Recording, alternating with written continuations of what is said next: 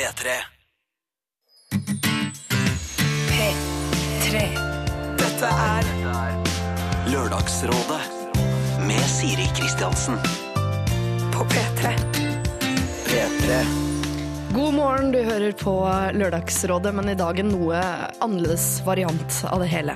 Vi hadde jo, som du kanskje vet, et liveshow i Oslo på tirsdag på Chateau Neuf for 700 studenter. Det er jo helt eh, fantastisk. Og vi føler at eh, du kanskje vil tenke at du er litt snytt hvis ikke du får lov til å være med på moroa du også. Så derfor så har vi klippet ut eh, da problemene og rådene og alt fra Chateau Neuf, og så skal du få høre dem her på radio i dag. Eh, Det var eh, Mia Hundvin, Christian Borch og Steinar Sagen som var eh, rådgivere, og de fikk problemer som omhandlet kattebuser, western, lesbing, og i det hele tatt alt dette her skal du også få selvfølgelig i løpet av morgenen og før klokka tolv. Men først så tenkte vi vi skulle ta et blikk tilbake, sånn som vi pleier, og se åssen det har gått med en av de vi har hjulpet tidligere. Eh, Nå først The Offspring her, Self-Esteem. Lørdagsrådet På P3. P3. The Offspring der med deres eh, self-esteem.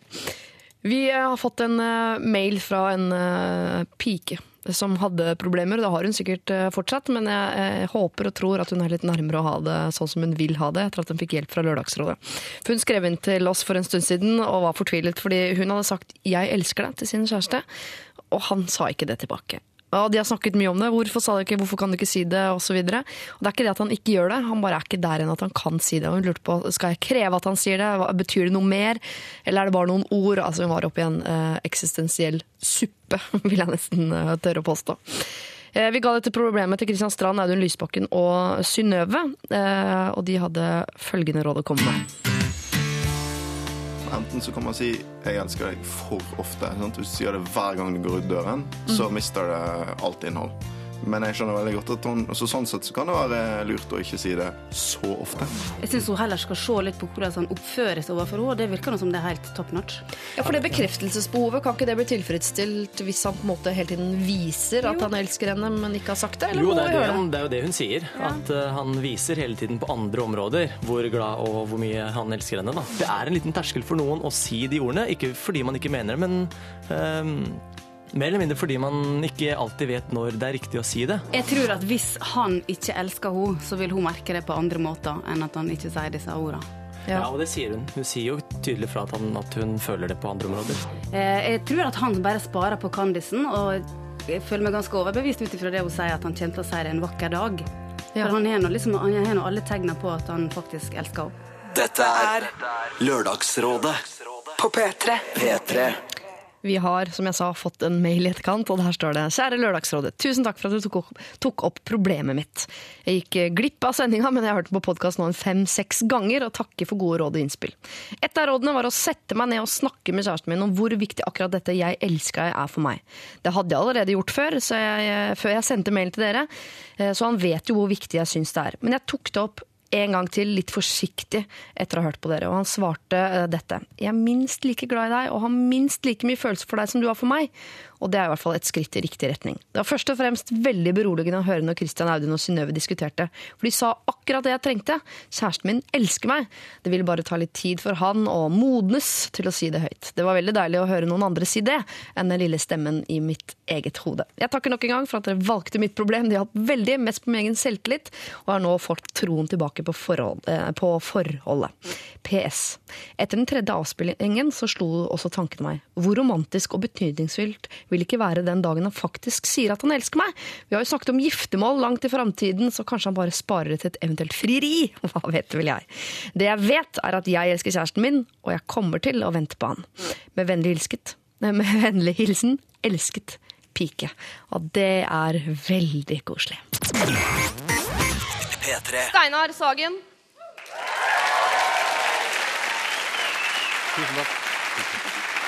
Christian Borch.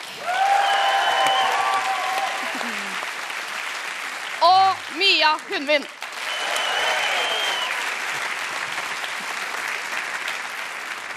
Eh, Vi begynner som vi alltid gjør på radio, tar en runde på sivil status. Så det er ikke bare ute etter singelgift, det er ute etter en type bolig, lån, hytte, husdyr, hva slags eh, kjæreste og sånne type ting. Hva slags kjæreste? Ja, men du skjønner uh, En hund. Det er blitt en hund nå. ja. Er du gift? Er det en mann? Er det en dame? Er hun ung? Er hun fin? Og så videre. Steinar? Uh, et barn, fin kjæreste. Uh, eier egen leilighet.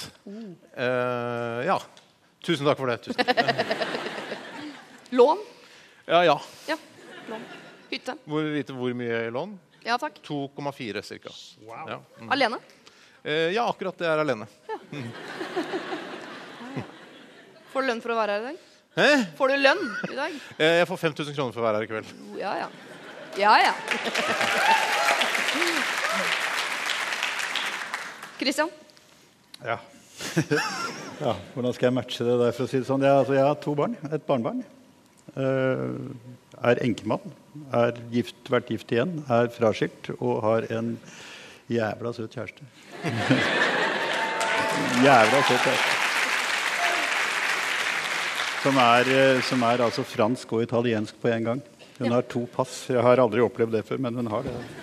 Det har ingenting med splittet personlighet å gjøre. Det er ikke noe sånt. Altså. Nei, det er bare... Er hun av typen hissig, eller? Fransk og italiensk er jo Nei, hun er ikke det. I hvert fall har ikke jeg sett noe tegn til det foreløpig. Men uh, ja. Nei. Av typen søt. Av typen kjempesøt, ja. Mm. Ja, ja. Mia? Eh, Samboer, hus, ikke lån. Så det var ikke vittig. Jeg har ikke lån. Hvorfor har du ikke lån? Hvorfor har du ikke lån? For jeg har betalt det ned. Hvor gammel er du? 36. eh, jo, tre unger. Og eh, kjæresten min som er lav, lav, lav. Det er han lave, ja. Ja, men altså Han er lav intensitet, lav eh, på kontroll og lav eh, Lavt blodsukker. Blodprosent, ja. Du skulle Alt. si. Lav promille. Lav IQ, eller? eh, Nei. Å, jeg kom på et skikkelig gammelt eh, ordspill. det skal jeg ta i pausen. P3. Jeg eh, tar et kontrollspørsmål innledningsvis, som er da mitt eget eh, problem. Nå igjen. Alle problemene er egentlig det. Nei da. Ok. Eh, jeg har en sykkel. Den ble stjålet her om dagen. 500 meter unna ligger det et asylmottak. Er jeg rasist hvis jeg bare kjører forbi for å se om den står der? Nei. Nei. Det kommer an på hva slags erfaring man har med asylmottaket i utgangspunktet fra før. Eh, hvis det har vært mye sykler som har blitt stjålet, og de har havna der, så er det jo ikke rasistisk å sjekke ut asylmottaket. Men eh, hvis, du, hvis det er et veldig koselig asylmottak, eh, altså Norges koseligste asylmottak f.eks., Ja. da er det litt rasistisk å kjøre innom. Jeg har aldri sett en asylmottaker på sykkel. Ikke? Nei. Stein, altså, hør her, da. Eh, Altså, Det er rasistisk. Nei da. Nei, men altså, honest to God, det er, La oss ikke problematisere verden mer enn den er. Altså, Sykkelen blir stjålet, og nærmeste nabo til tyveriet er et asylmottak. Hvor pokker begynner man å lete etter den sykkelen? Det er nærmeste nabo, er ikke det? Jeg synes det er Ja, men det er jo bare 500 meter hjem. Det er eh, opptil 10-12 naboer mellom meg og det asylmottaket. Og da Så jeg har ikke okay. vurdert å gå innom der og se. Ja, da er det rasistisk. Det er rasistisk. Nå vet jeg ingenting om naboen din, selvfølgelig, men jeg vil jo si at det var litt rasistisk allikevel. Ok, Da skriver jeg det på lista over grusomme ting ved meg. Eh, P3. Dette er Lørdagsrådet med Siri Kristiansen. The Wolves, Let's Skate This Town. Men vi skal fra eh, ulver, om du vil, og til eh, den mindre utgaven, nemlig katt.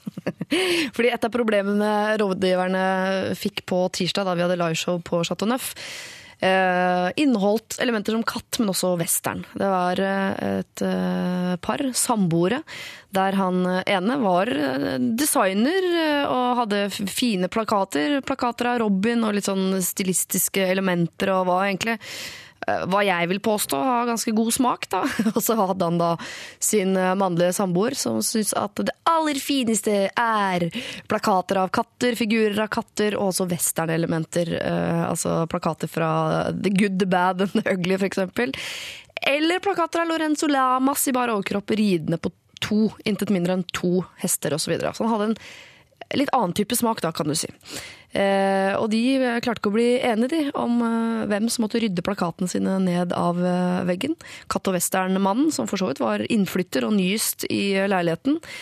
Eller han som eide leiligheten, og som på papiret hadde best eh, smak, denne designeren. Altså, hvem må vike for den andre, eller må de det i det hele tatt? Det fikk eh, Steinar, Christian Borch og Mia Hundvin lov til å bryne seg på. Hør her. Hvem sin stil likte du best, Mia? Hoha. Uh, han som bodde der først. Han som bodde der først. Jeg er ikke noe dyremenneske. Nei? Nei, så jeg eh, støtter han ganske bra. For meg så virka det som ok, han ene han er utrolig glad i dritt. Eh, Mens han andre er eh, også glad i en annen type dritt. Så det er bare to forskjellige drittstiler i en og samme leilighet. eh, Etter mitt skjønn, da. Ja. Eh, Så han som eier leiligheten og bodde der først, han må få lov til å bestemme hva slags dritt de skal få ha der. Syns jeg. Du syns ikke man skal møtes på midten i det hele tatt? Litt dritt fra hver? Ja, kan, eh, kanskje han kan få ha han, så han yngste kan få ha badet, ha dritten sin på badet. Og så kan han andre noe sånn, En sånn eh, fordeling. Jeg mener du skal utjevne det. Du tar vekk egentlig veldig mye dritt. Ja. Og så gjør det litt mer sånn eh, minimalistisk. Det har vi gjort hjemme hos oss. For alle har den konflikten. Du har jo fått ny kjæreste nå. Du har sikkert nettopp vært i det. Bodde du flyttet hun inn til deg? Eh, Jeg har ikke flytta sammen ennå, men eh, vi er, vi er ganske, jeg føler at vi er ganske like på hva slags dritt vi liker. så eh, ja. eh, Jeg tror det kommer til å gå fint. Hvem bestemmer hjemme hos dere? Nei, Kristian? jeg har helt andre oppfatninger enn dere. Altså, jeg mener at disse gutta så ut som de hadde det så jævla gøy med all den dritten de drev og bombarderte hverandre med, at de bør fortsette Wow. med det. Jo, men også en annen ting. ikke sant? Dere glemte et, Det er et ganske det er, et, det er et ganske viktig poeng her, og det er altså det at de hadde en bod før som var full av enda mer dritt. ikke sant? Du kan tenke deg hva som skjer altså, hvis de nå begynner å skifte ut dritten med det som er i boden. Og så kan du da på en måte ta sånn annenhver gang og begynne å, å overdøve hverandre med det de liker best. Og så kan de holde dette her gående til de dør. Jeg tror, jeg tror det er mye bedre. Jeg tror det sånn- virker som de hadde det ganske gøy. altså. Men er dette et sånn homofilt problem?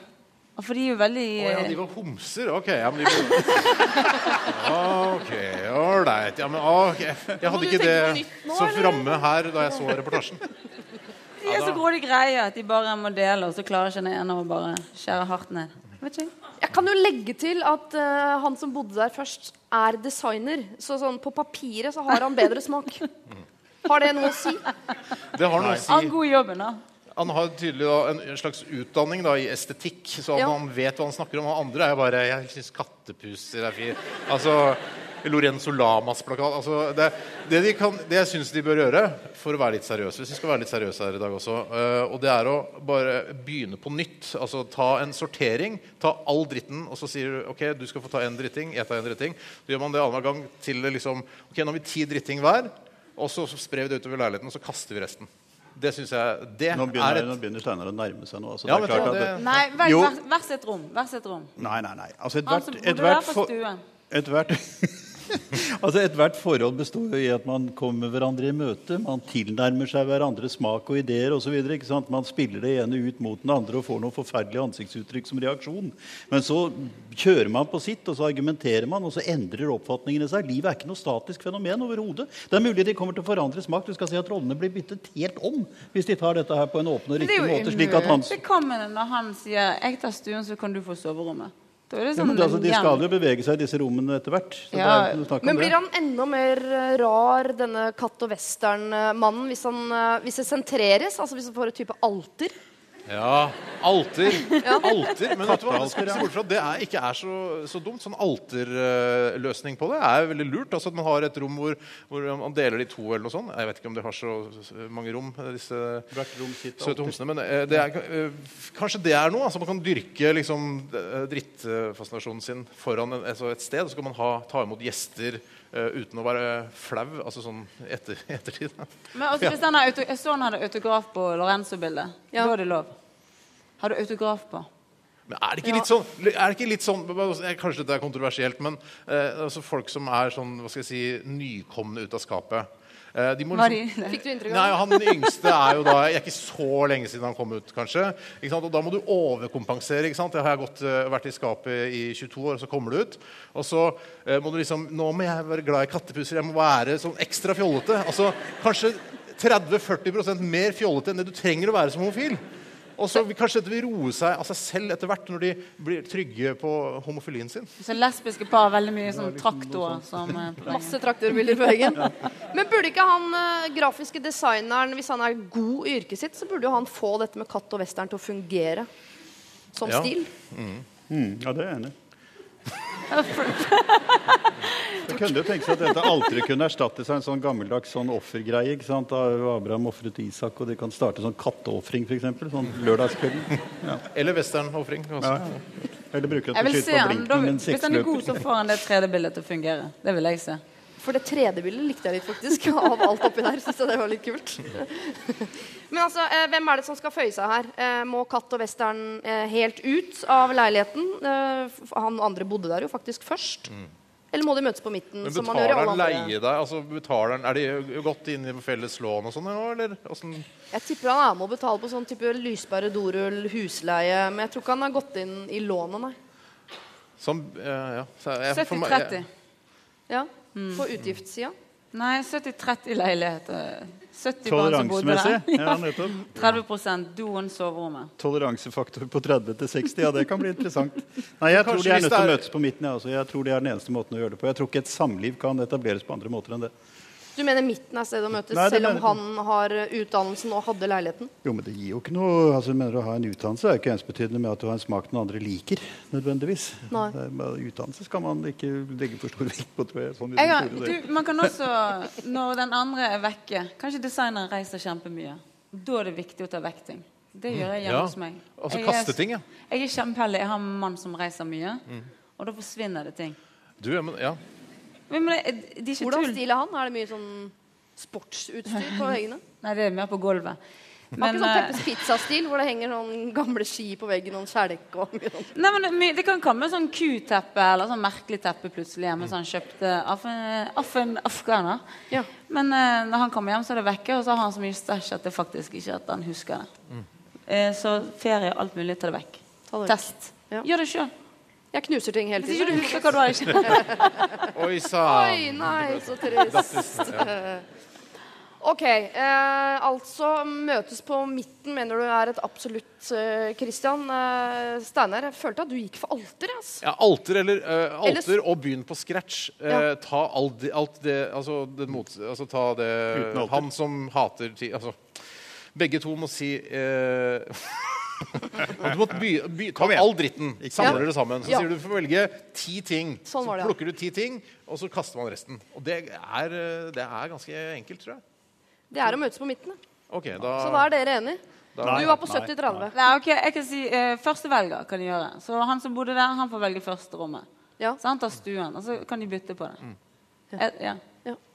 Eh, 50-50, 70-30-aktig, alter er nevnt. Jeg skal videreformidle. Jeg hører hva det går for.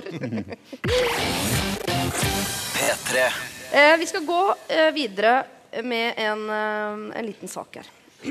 som jeg har fått inn på mail. Hei! Eksen min og jeg gjorde slutt for noen måneder siden, og det var et brudd vi var enige om selv om vi begge tok det tungt. Vi er venner i dag, og man kan si det om ekser.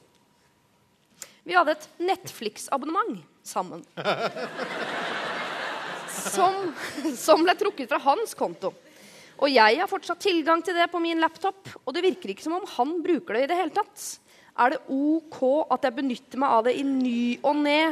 Hilsen Lise. Altså, Det er jo ikke noen begrensning så vidt jeg har forstått på disse Netflix-abonnementene. Så egentlig så trenger det er bare én person i Norge som trenger å abonnere på det. Så Enig, det tenkt. det skal man dele det med alle. Eh, men uh, ja, si, ja, si det. Det er uh, hvorfor, ikke, hvorfor skal man ikke dele Men det hvorfor blir ble det slutt? Er det noen som vet noe om det? Eh, nei, men de tok det tungt, men de var enige. Så jeg tror jeg Nei, det liksom- stemmer aldri. Det stemmer aldri. Det er Det lukter jo som tar det Dawson's Creek, ja. eh, liksom. Det er egentlig oss to, men ikke nå, osv. Altså, ja. Må, må, må rådet behandle ethvert problem som fremlegges for dem? egentlig. Du, du vil ikke behandle dette problemet? Nei. Nei, det er lov. Jeg vil ikke. Det er simpelthen for dumt.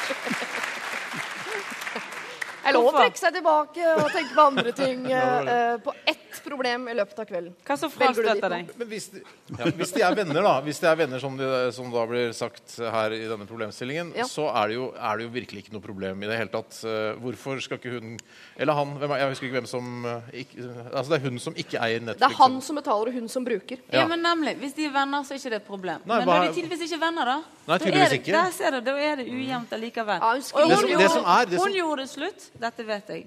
For a fact.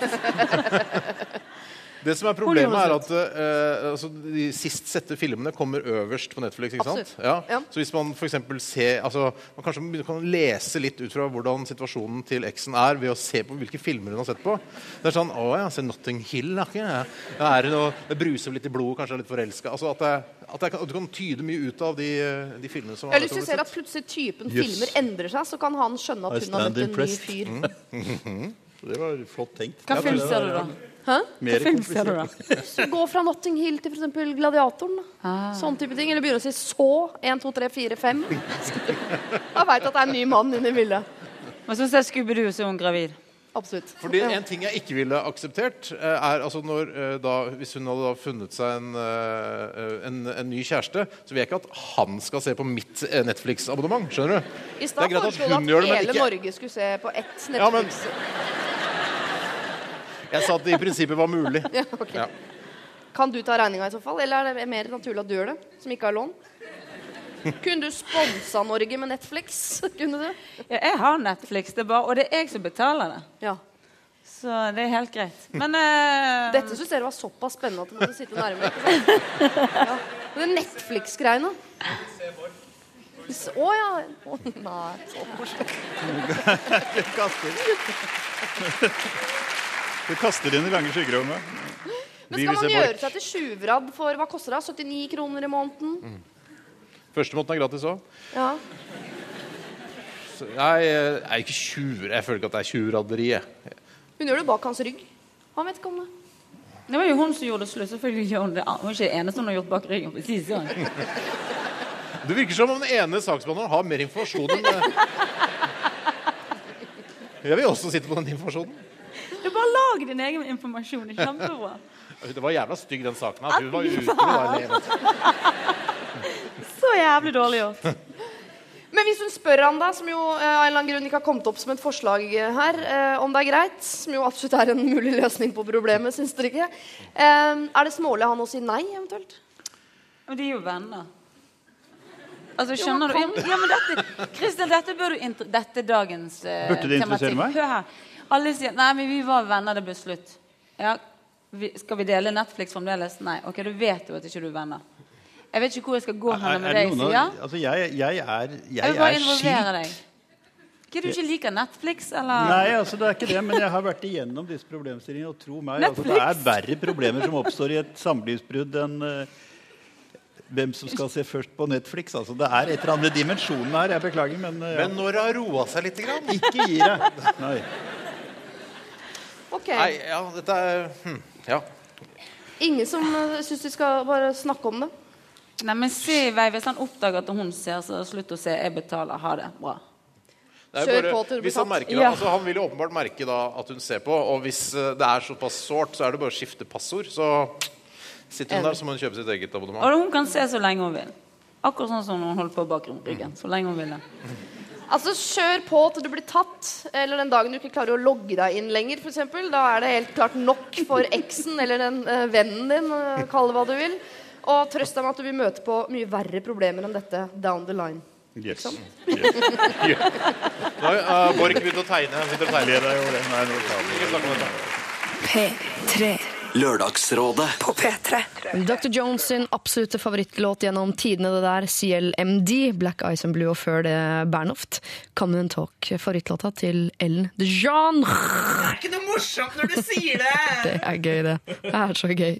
Det var også veldig gøy på tirsdag. Da var vi på Chateau Neuf og hadde Lørdagsrådet live. Eh, takk til dere 700 som kom dit. Det var kjempemorsomt. Men nå skal dere som ikke var der, også få lov til å høre hva vi dreiv med. Et av problemene som rådgiverne fikk, eh, har vi valgt å kalle den altfor pene venninna. Eh, og ja, du har henne sikkert du også, eller så er du kanskje henne. Og jeg vet ikke hva som er eh, verst eller best, ja, men det er jo veldig typisk da, at man har en venninne som virker så perfekt. Som alt er på stell. Hun er pen, hun er morsom, hun er smart. Og du kan ikke ta henne på noen ting. Og hun er en god venninne, men allikevel finner du inni den mørke delen av hjertet ditt av og til en liten stemme som sier sånn Jeg håper hun får kviser, jeg håper hun blir feit! Altså, den siden der har vi alle sammen. Eh, og hun, det er en jente som har vært så da, søt å sende inn til oss for å spørre hvordan kommer jeg meg over dette her. Hun er jo en god venninne, jeg er glad i henne, men jeg klarer ikke å unne henne eh, pur lykke. Jeg vil henne også vondt, for hun er så irriterende perfekt. Vi får høre her hva Steinar Sagen, Mia Hundvin og Christian Borch mente om eh, problemet. Lørdagsrådet På P3. P3. Eh, Men det er altså et ganske kjent problem, tror jeg, i hvert fall for jenter. Klarer dere som gutter i det hele tatt liksom oppfatt... Fins dette problemet blant Ja, i høy grad. Dette her er et eh, grunnleggende klassisk problem. Ja. Et stort problem. Og det gjelder ikke bare jenter. Er det, så- mener du det? Jeg, Ja, jeg, jeg tror du kødda igjen. Nei, jeg gjør ikke det. Har du mye noen sånn som skjønnhetskonkurranse i nyhetsavdelingen? Er det Nei, det er det ikke. Det er det ikke. Det er, det er, Bjørn Hansen, du er mye kjekkere enn meg. Faen. jeg Ikke nå mer, han har sluttet. Ja, ja, men Men altså, det jeg tenker på er det der med ikke sant, å spille en rolle og så ha et følelse av at vi er to stykker som står helt likt i en vennekrets i en form, og så merker du plutselig at den ene begynner å dra fra deg på en måte. Blir mer karismatisk, blir sterkere, mer utadvendt, får Hitler. til ting bedre, ikke sant, og så videre. Og så føler du, får du den der tiltagende følelsen at du ramler bakover og ramler bakover, og den gjør at du føler at du ramler enda mer bakover i systemet, ikke sant, og så kommer depresjonen over dette og gjør at du liksom enda trekker deg inn i det. Ja, stakkar! Ikke sant? Det er, jo, men, altså, Da er det godt å ha en. Nei, Men det er- hvem oppfatter dere som problemet her, egentlig? Er det, eh, det er så stygt å si det sånn, men er det den pene eller den stygge som er eller har et problem i dette her? Jeg har bare fine venninner. Det er også et problem. Er det et problem? Nei, men Det er jo kjempebra. Jeg har bare de beste, fineste på alle måter. Men det som jeg har lyst til å oppfordre alle jenter til, de må slutte å gyngeklemme.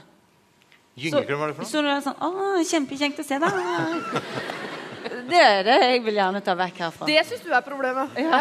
ja, ja, vi kan ta en runde på ja, men det er så kjekt. Nei, men jeg syns at uh, hun eh, stygge venninnen Kutt ut henne. Altså, sy- Du syns den pene skal kutte ut den stygge? Den altså, det er jo den stygge som har sendt inn problemet. Du kan ikke, du kan ikke, s- du kan ikke gi tips til hun pene kutte ut den stygge venninna. Det er det mest kyniske jeg har hørt. Ditch det stygge. Jeg må tisse. Var det var det, det du mente? Nei, hun stygge Jeg syns jeg eh, skal kutte ut hun fine. Hun skal ikke bare utnytte situasjonen, da, for det er vel sånn at fine jenter tiltrekker seg fine gutter. Og hun har jo, eh, med mindre hun er gæren, bare plass til én av gangen. Og da vil det jo være en del eh, smuler Men, rundt henne. men er det sånn fordi man sier alle pene jenter har en stygg venninne? Er Ja. det sånn på gutter òg? Da vil jo det falle Da vil jo til slutt gå opp. Ja, ja, det er eh, vans er vanskelig for meg å se om kompisene mine er pene eller stygge. Eller, de er vanlige det ser du. Jeg, jeg, kan, jeg kan, Egentlig kan, kan jeg se det. Men eh, Jeg tror ikke utseendet har så veldig mye å si her. Altså, egentlig, problemstillingen ligger vel i det der med at den ene overskygger den andre. Etter at du har følt at vi er på en måte helt like. Og så vokser den ene fra deg. Og det er ikke bare utseendet. Det var jo også, hun var intelligent, hun var vittig, hun var uh, i det hele tatt bla, bla, bla. Måten å gå ut av en taxi på var jo raffinert, for å si det forsiktig. Og hun visste hva hun gjorde. Det var helt åpenbart. Og da føler den andre seg gradvis bare verre og verre. Og det er altså, har ikke noe med utseendet å gjøre det hele tatt. Det er, Men det er litt, en, en, en jeg, jeg, jeg, jeg reagerer litt på liksom, eh, det å bruke, bruke ordet som stygg. Uh, altså hun stygge. Det er, det er ganske hardt. Ja. Men hun føler seg sånn. Men det var Ja, men- som begynte. Ja, det var Nei, hun som begynte.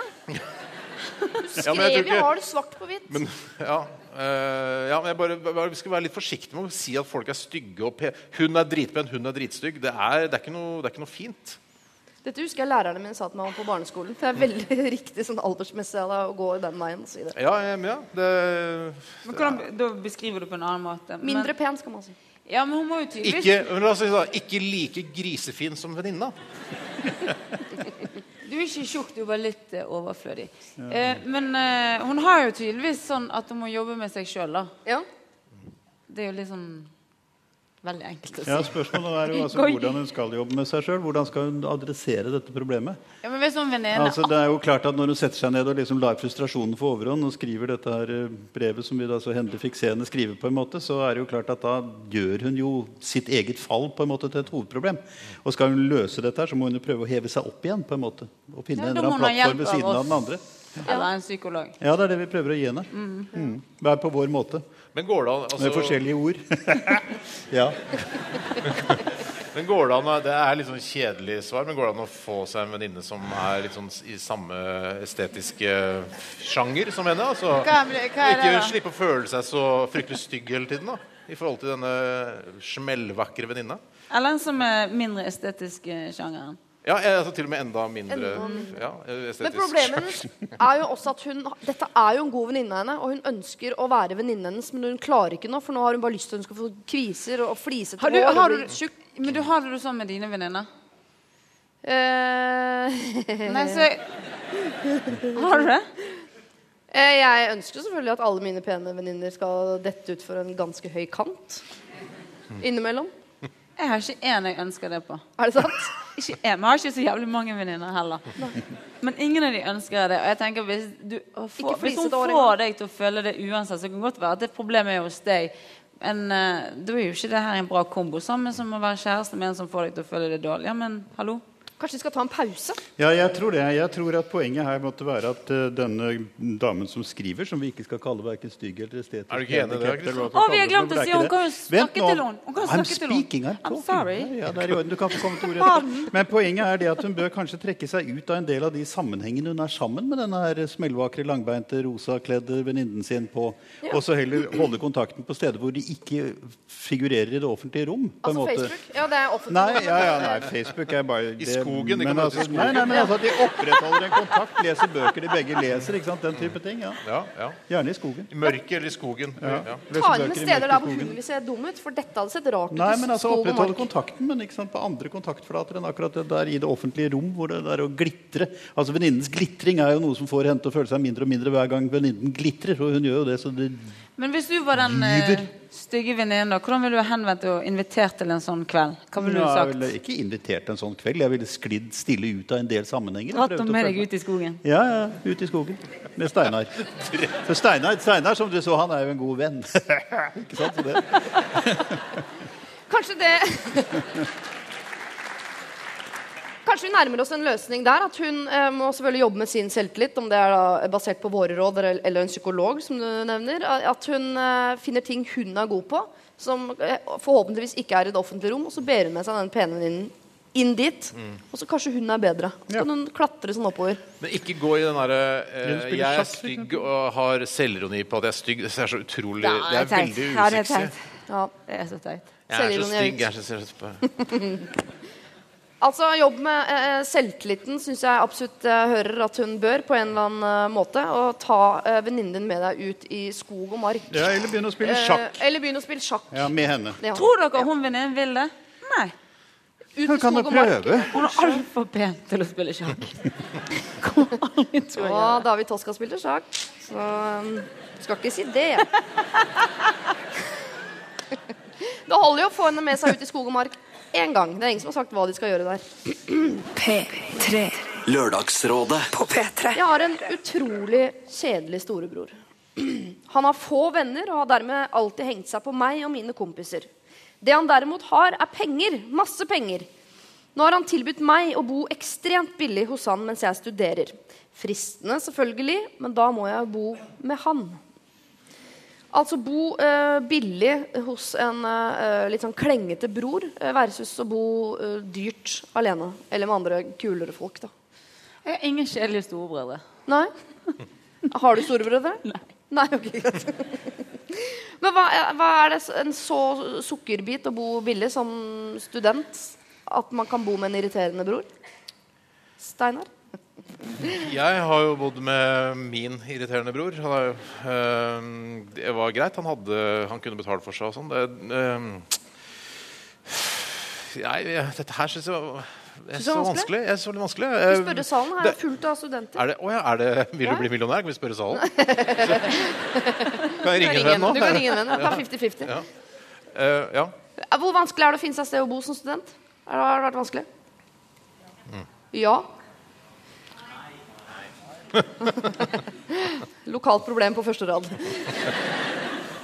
Men eh, se for deg, du som syns det er vanskelig, se for deg en du synes er eh, som ikke du liker overhodet. Det trenger ikke å være en eh, bror eller eh, noen, men bare en du misliker sterkt. Som kommer og sier du kan bo her gratis. Kommer an på hvor billig det er. Ja. Hvis det er veldig billig, så gjør jeg det. Uansett. Ja. Kunne du blitt boende hjemme?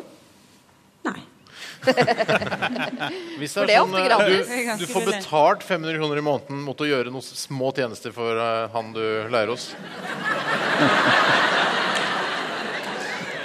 Det hørtes litt suspekt ut. Det tror jeg holder meg unna. Det er din skitne fantasi, det, som gjør det. Steinar har et ekstra rom, skjønner du. Så. Men hva er viktigst, da? Å bo billig i studietiden og ha det gøy, eh, og sånn, eller å bevare det eh, forholdet han nå en gang har til broren sin, om det er godt eller ikke? Si noe Urix-aktig. Ja, Christian. kom an igjen. Ja, altså Jeg er jo si at han må ikke flytte sammen med den broren nesten uansett. Ja, altså. Nei. For først og fremst for storebroren jo åpenbart har et problem med å utvikle seg selv i og med at han henger seg som en parasitt på lillebroren og hans venner.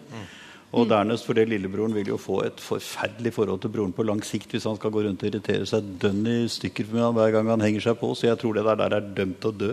Jeg tror ikke det går an. Jeg tror han er rett og slett Han må finne på noe annet. altså. Jeg tror det. Gå ut i skogen med Mia. Jeg mener det. Jeg tror ikke det der går. Det er jo litt gøyere å liksom være litt uavhengig av storebroren sin også. Jeg tror, eh, jeg tror det er lurt det, altså, å finne seg et eget sted. Men han virker jo veldig uavhengig av storebroren. Det er bare storebroren som er avhengig av han. Ja. Så, men eh, jeg vet ikke hvor mye man er hjemme når man er. Jeg har ikke bodd i kollektiv eller Nei. Mye, eh, fordi nettopp på grunn av sånne Jeg lurer på, Har den kvinnen erfaring nok til å sitte i dette rådet? Eller? Ikke har, Altså, ikke ikke har hun venninner, og de hun har, er bare. Jeg vil ikke bo der. Nei, jeg Skal jeg si hva jeg hadde gjort? Ja. Jeg hadde flyttet inn. Hadde du flytta inn? Mm, og så hadde jeg vært kjempelite hjemme. Vært på skolen og studert, da? eller? Ja, det- hva de gjør, de studentene. Men jeg hadde sovet hjemme, og så hadde jeg sikkert fått meg en eller annen kjæreste jeg kunne sovet også. Ferdig. Fri leie. Du skal ikke gi han en sjanse, da? Kanskje Han kan jo bli kul, han storebroren, hvis han ja. blir invitert med inn i gjengen. I små doser. Ja. Hjelpe storebroren til å bli rå og hipp og kul. Da. Det går jo an, det. Altså, pimpe han litt. Pimpe opp storebroren. Ja. Det er jo en, altså, faktisk en reell mulighet til å gjøre, okay, lære han opp litt. Nei, du kan, hvis ikke du er kul, så kan ikke du bli det. Ok. Det er en gyllen regel. Er det sant? Det er helt sant. Enten er du, så er du ikke. Men det, er- for det husker jeg, det- det skal være mulig Jeg husker det var uh, blant annet en uh... Få høre. Altså fra, eh, fra ungdomsskolen og til videregående så var det et par i klassen min som gikk fra å være altså, typisk sånn skikkelig nerder til å få sånn cowboystil når de begynte første, kom, første skoledag på videregående. sa han, ja, jeg er blitt cowboy jeg, med sånn åpen og blei liksom rå eh, i løpet av sommeren. Så det går an. Ja, du kan gå fra ukul til grei, men du kan ikke gå fra ukul til kul. Kristian? Nei, altså Teorien om at lillebroren gradvis skal oppdra storebroren ved å dra han inn i klubben og gjøre ham kul, det er et dødfødt prosjekt. Altså, det går ikke Sånn virker ikke verden, kan jeg fortelle deg. Eh, og jeg fastholder hva jeg sa. Altså, jeg tror han bør finne nesten hva som helst annet å bo i, om det så er et hønsehus. Altså, for jeg tror at det der, der går klin gærent. Altså, det, det blir Ja. ja, ja, ja. Det er det. Vet du hva? Da Jeg sier, jeg jeg, henger meg på det han sier. Ja. Det Kristian sier. Det, har du endra? Så vi går bort ifra flytte inn og være litt Nei, hjemme, få nei, deg kjæreste? det jeg sier. Det du sier. Flytt inn, vær der lite, få deg kjæreste. Eh, for all del ikke flytte inn, bevar det gode forholdet du har til broren din. Steinar, det Kristian sa. Ja. Hva det nå var. Ja. Ja, vet du. Kave er dette her. En av dem heter uh, låta. Så langt i dette liveshowet vi hadde på Chateau Neuf eh, tirsdag denne uken, så har ikke Mia Hundvin helt klart å liksom relatere seg til eh, problemene. Hun har ikke noe kjedelig, men rik bror. Hun har faktisk ikke noe bror i det hele tatt. Hun har ikke en altfor pen venninne, hun har bare pene venninner. Og hun har heller ikke et Netflix-problem med noen av sine ekser. Eh, Det er derfor eh, dette spørsmålet kommer fra meg. Eh, skal vi se om du kan kjenne deg igjen i dette, da, Mia. Kjære Lørdagsrådet. Venninnen min har begynt å legge an på meg. Dette har pågått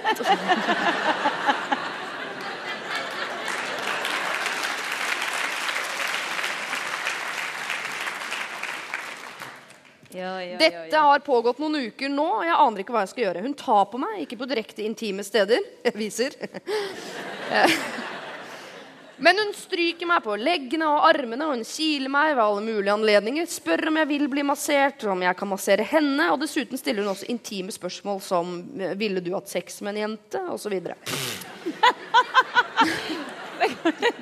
Dette er spørsmål som jeg i utgangspunktet ikke har noe problem med å svare på, men fordi det er akkurat henne, så blir saken noen annen. Jeg syns det er trist at jeg ikke føler meg like vel i hennes selskap lenger.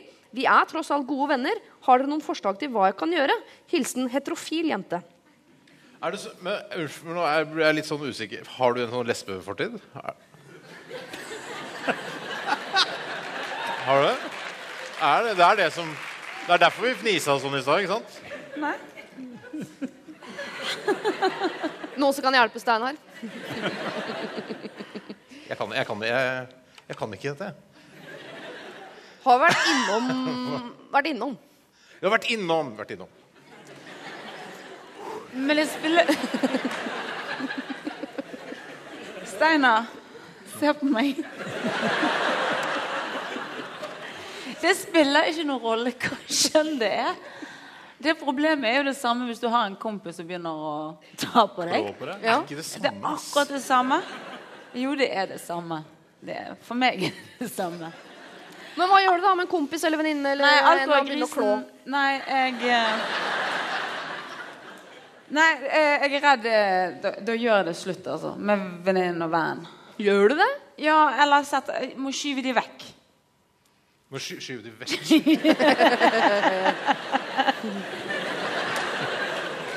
Sånn. Gå vekk. Hvis ikke Ja. Nei, du må, du må faktisk uh, få de vekk.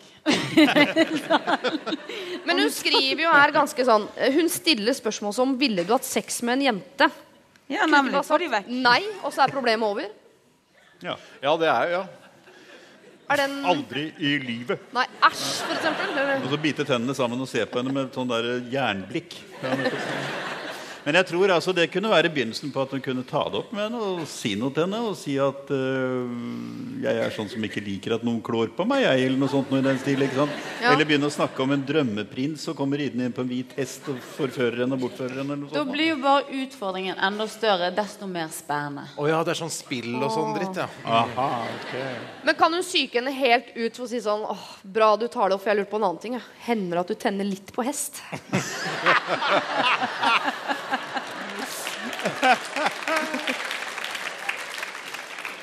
Smell selvfølgelig, syns jeg ja da, men Så eh, du sammenligner lesbiske med hester? Ja.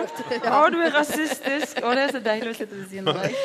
Jeg, jeg føler at det, nok en gang så er svaret Ta så Prat med venninna di om det, og ja, si, eh, konfronter henne med det. Og så vil det sikkert løse seg. Ja, det tror jeg er eh, Jeg sa ikke det.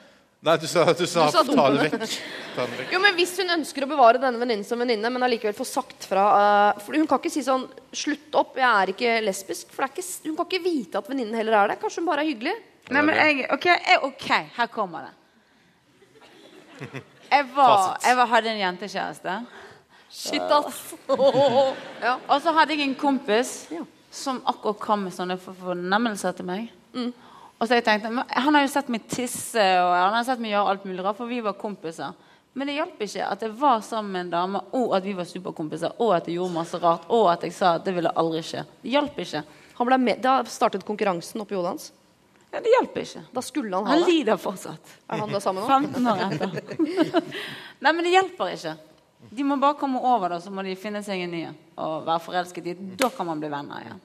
Pause. Pause. Ja, for jeg tenker at eh, når du, Jeg er helt enig i at det har ikke noe å si, Steinar, om det er to jenter eller en jente og en gutter. Altså, jeg er helt enig i det, Men det som kanskje er forskjellen eh, Dette har jeg ikke noe erfaring på, men hvis hun venninnen eh, ikke har noen lesbiske erfaringer, hun bare tenker at hun er litt lesbisk er det ikke da eh, Jo, jo, men Jeg vet ikke hvor gamle de er.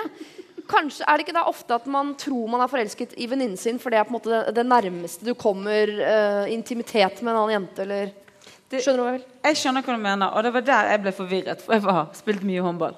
Ja.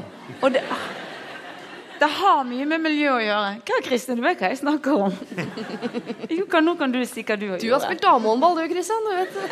Jeg, jeg sitter her og følger med. Jeg. Det er liksom eh, Vær så god. Nå er begynner jeg å bli varm. sånn forskjell på det, Litt tilbake til det, der, det er forskjell på eh, jenter og gutter her. Fordi altså, jenter er eh, i litt mer sånn pjuskemiljø enn det gutter er. Gutter sitter ikke sånn der ja, kan du massere meg? Vi, vi gjør jo ikke det. Vi gjør jo ikke de tingene. Og det er jo ikke sånn Det er lettere å være, hvis man er jente, å være involvert i en slags gangbang med jenter, andre jenter enn det er for gutter. Det er så, det er så utrolig stort skritt for gutter å være med i en, en homsegangbang. aldri- Eh, men det er litt mindre for jenter. Jeg har aldri mener pjusket en venninne i hele mitt liv. Aldri pjusket en venninne. Har du ikke pjusket en venninne? Nei, og jo de, jo mer jeg er glad i folk, jo mindre pjusker jeg de. Oh, ja.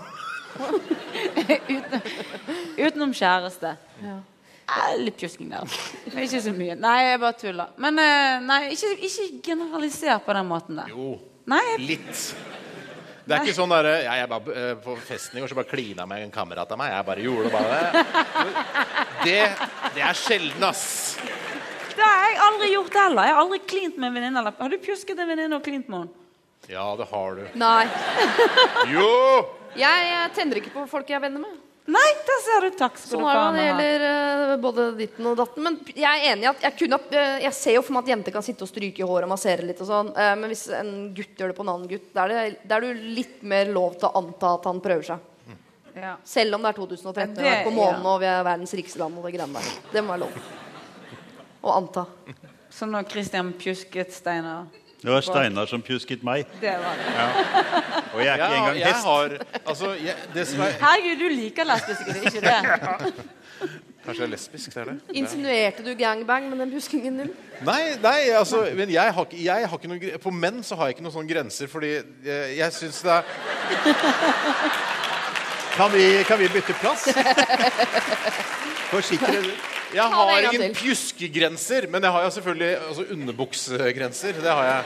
Det, det gjør meg ingenting å være sånn Nei, å gjøre dette her Det gjør meg ingenting. Det er, jeg synes bare det er, det er litt sånn gøy, fordi jeg vet Du syns det, ja? Nå har du tenkt på om du gjør Christian nå? Men han er med på dette. Han får Du er, du er, du er jeg lurer alvorlig på om vi bør bytte plass. Ja, jeg å lure på det. Ikke for din skyld, men jeg ble litt sånn fysen på å bli puska med.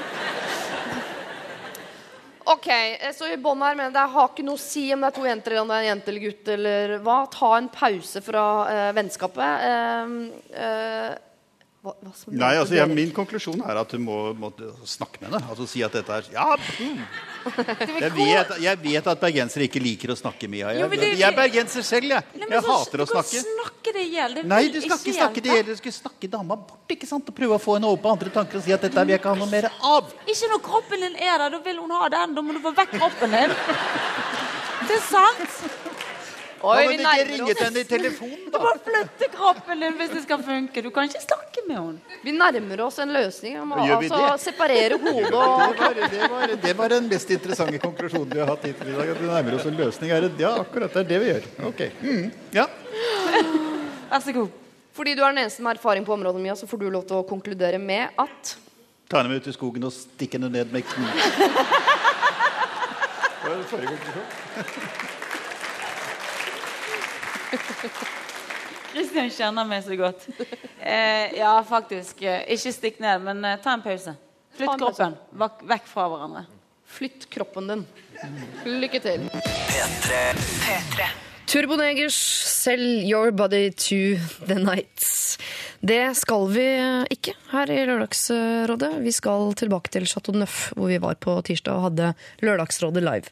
Vi åpnet der opp for at publikum kunne komme med sine problemer. Og midtveis i, i programmet da, så var det en jente som hadde et problem. Hun rakk hånda i været. eh, Var kledd i svarte og hvite stripete tights. Jeg husker henne veldig godt. Hun satt langt fram mot eh, scenen og hadde et eh, ganske sånn eh, tungt problem. Og det var ikke egentlig et eh, problem som var først og fremst et problem for henne, men det var på vegne av en venninne. Venninnen hennes eh, har nemlig blitt sammen med en betraktelig eldre mann som har vært notorisk utro hele sitt liv, og har nå også vært det mot venninnen. Eh, Flere ganger, og venninnen vet om det, men hun har tilgitt. Han kontrollerer henne, hun får ikke lov til å gå ut uten at han vet hvor hun er, og de har også lastet ned denne appen på hver sin mobil hvor de hele tiden kan overvåke hvor den andre er til enhver tid.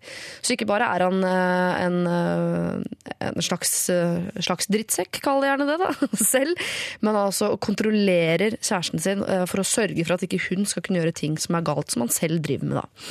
Uh, jenta i salen var bekymret for venninnen sin og var bekymret for å miste henne som venninne. For hun hadde prøvd å ta det opp med henne flere ganger, men ble avvist. Så hun følte til uh, en viss grad at venninnen valgte denne drittsekken av en fyr framfor henne som en venninne. Og nå er hun redd for at hun skulle miste venninnen sin for alltid inn i dette sorte hullet av en ræva fyr. Eh, dette problemet, eh, dette vekket Christian Borch. Her eh, syntes han at det måtte tas tak. Steinar Sagen var også rådgiver, og det var også Mia Hundvin. Og dette er rådene hun fikk. Det der, der er altså, er, Du må gripe fatt i henne og filleriste henne og få henne til å komme seg ad helvete ut av det forholdet. Mannen er jo grensene til en psykopat. Virkelig. Det mener jeg. Eller som jeg ville sagt det, flytt kroppen hennes. Men altså fysisk filleriste? Eller Ja, altså Det kommer an på hvor gode sånne talking terms du har med henne. Men du må, du må bryte en del barrierer, og du må antagelig gjøre en ting som kan bli ubehagelige. Men hvis du står henne nær, så har du faktisk en forpliktelse til å få henne ut av dette her. Ja, men det blir slutt nå. Ja, du, bare, bare gi det. Det blir slutt. Er det noen som eh, Altså, jeg skal jo ikke mene noe her, selvfølgelig, men er det noen andre som mener dette? Nei, At det er lov å bare trekke seg tilbake og vente på at det blir slutt, og da stå der som en slags eh, en, en madrass av følelser å ta imot? Nei, jeg tror ikke det. Fordi jeg tror du, altså, I og med at du ser problemstillingen så sterkt som du gjør, så har du, føler du allerede et ansvar for henne. Og du kan ikke gå fra det ansvaret, for da vil du føle deg Ja. Du Nei, har gjort noe gærent på en måte, så det jeg tror du må, du må Jeg gjøre har noe på. Mm. Jeg tror det. Du har jo vist henne døren. Sånn er det. Sånn, uh, hun må gå igjennom den. Hun kan ikke dra den jentungen igjennom. Hun må gjøre det sjøl. Hæ? Hæ, Kristian? Nå har vi altså diskutert dette, dette problemet med flytting av kropper, og nå begynner vi altså å diskutere måten å flytte dem på. Til dels gjennom lukkede dører. Dette er Ja, men Hun har jo sagt alt. Du har gjort jobben din, du. Har du vurdert uh, å ligge med han du?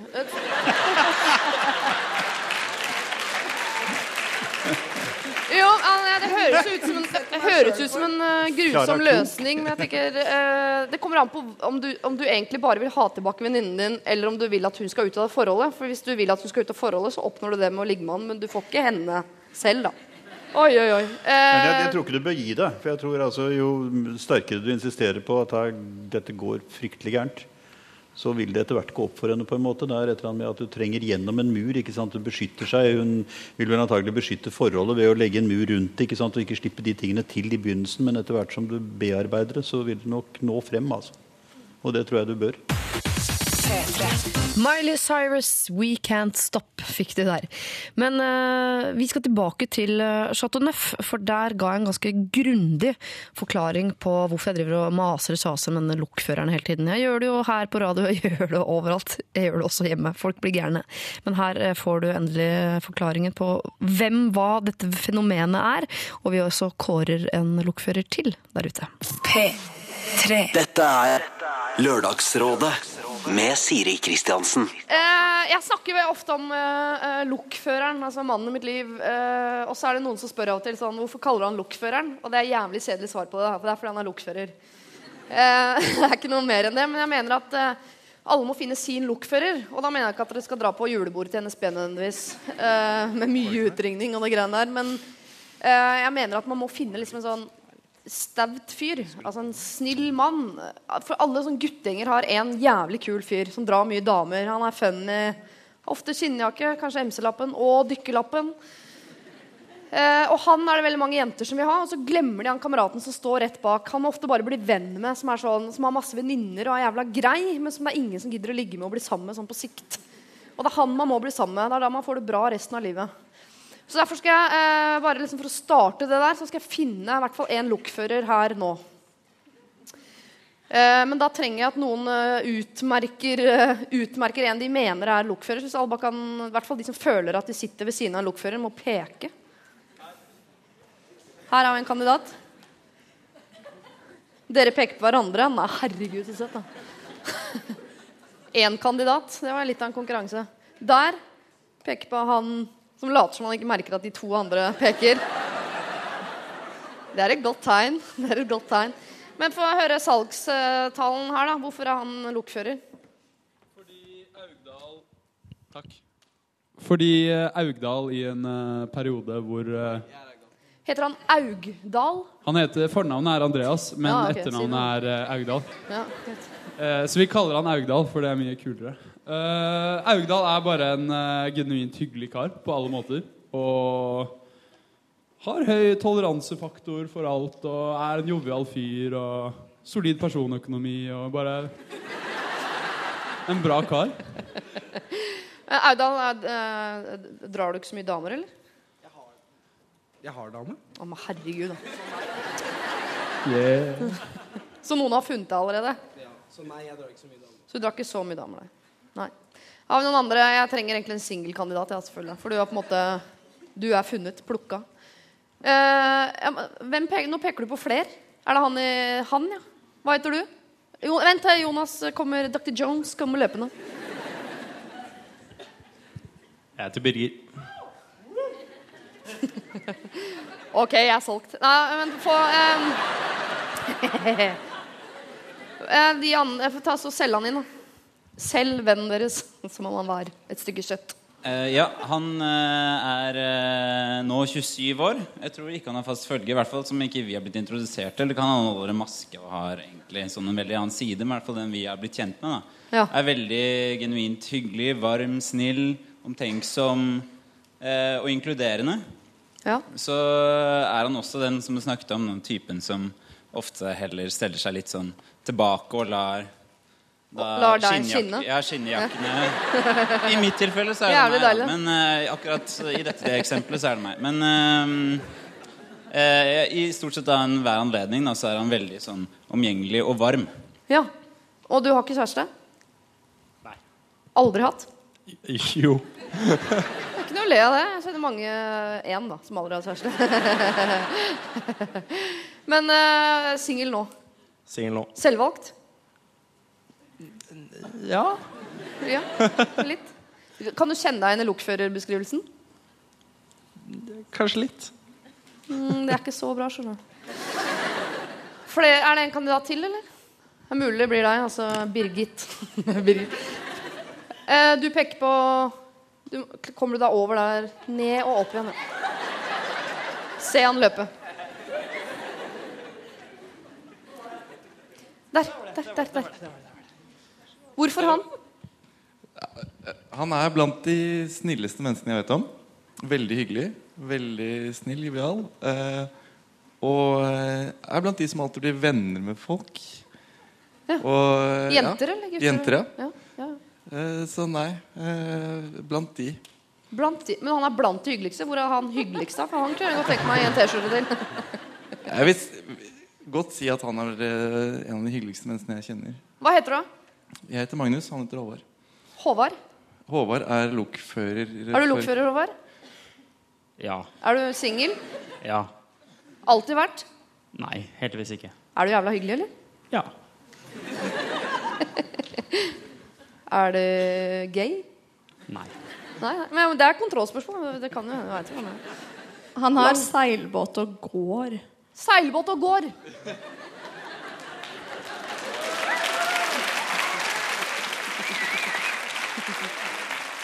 Da eh, gjenstår det ett spørsmål, og det er T-skjortestørrelse. Medium? Fy faen. Gi den mannen en T-skjorte. Gi den mannen en T-skjorte. Åh. Eh, vær så god. Eh, dette er jo ikke bare en gave til deg, men også en gave til alle jenter i salen. Nå har jeg pekt ut én av de for dere. To mulige kandidater også. Og så må dere gå ut og jakte. Lørdagsrådet på P3. Kom tilbake, Bjørn Johan Muri. Her hørte han med Yes Man. Det burde være nok seg selv å høre at eh, Sandra Lyng Haugen er tilbake på listene. Da, Bjørn Johan Muri, hvis du hører meg, våkn opp! Før det Emilie Nicolas og hennes eh, stereo. Eh, vi har hatt pause på Chateau Neuf. Kommer tilbake eh, fulle av vitalitet og pågangsmot etter gode 20 minutter i en skinnsofa, som Christian Borch hadde det så mye morsomt med backstage, for han var så lav at han brukte kort, kort tid på å sette seg ned, men brukte en evighet på å komme seg opp. Det ble et kjempetema nede backstage. Men vi skal ta tak i et problem som er skulle tro det kom på bestilling fra meg, for dette er noe jeg liker å snakke mye om på privaten. Eh, Jeg er jo ikke spesielt glad i å dra på festival, verken eh, musikk, mat eller andre typer festivaler som måtte finnes der ute. Men de gangene jeg har dumpa borti, eh, og da kanskje spesielt sånn sånn Øya og disse, og ser folk som har med seg unger, det blir for mye for meg. Eh, Jeg, syns det er en uting. Slutt, slutt, slutt, slutt å ha med barn på festival. Eh, Jeg vet jo ikke, visste jo ikke hva Kristian Borch mente om saken, heller ikke Steinar Sagen eller Mia, hunden min. Eh, Men jeg kan jo si allerede nå at det var en gledelig overraskelse. Dette er Lørdagsrådet på P3. P3. Du har jo eget bord. Ja, eget bord, ja. Det er greit. Åh, så mye kinky detaljer backstage har jeg aldri hørt før. Men vi kom gjennom det. Vi kom gjennom det. Vi kom gjennom det. Dere må gjerne tro han tuller, men det er sant. Mia har ikke så mye filter. Jeg blir ikke ferdig engang. Å, gud, nå sølte jeg. Også der skal jeg tørke. OK. Eh, vi skal eh, se et problem, vi.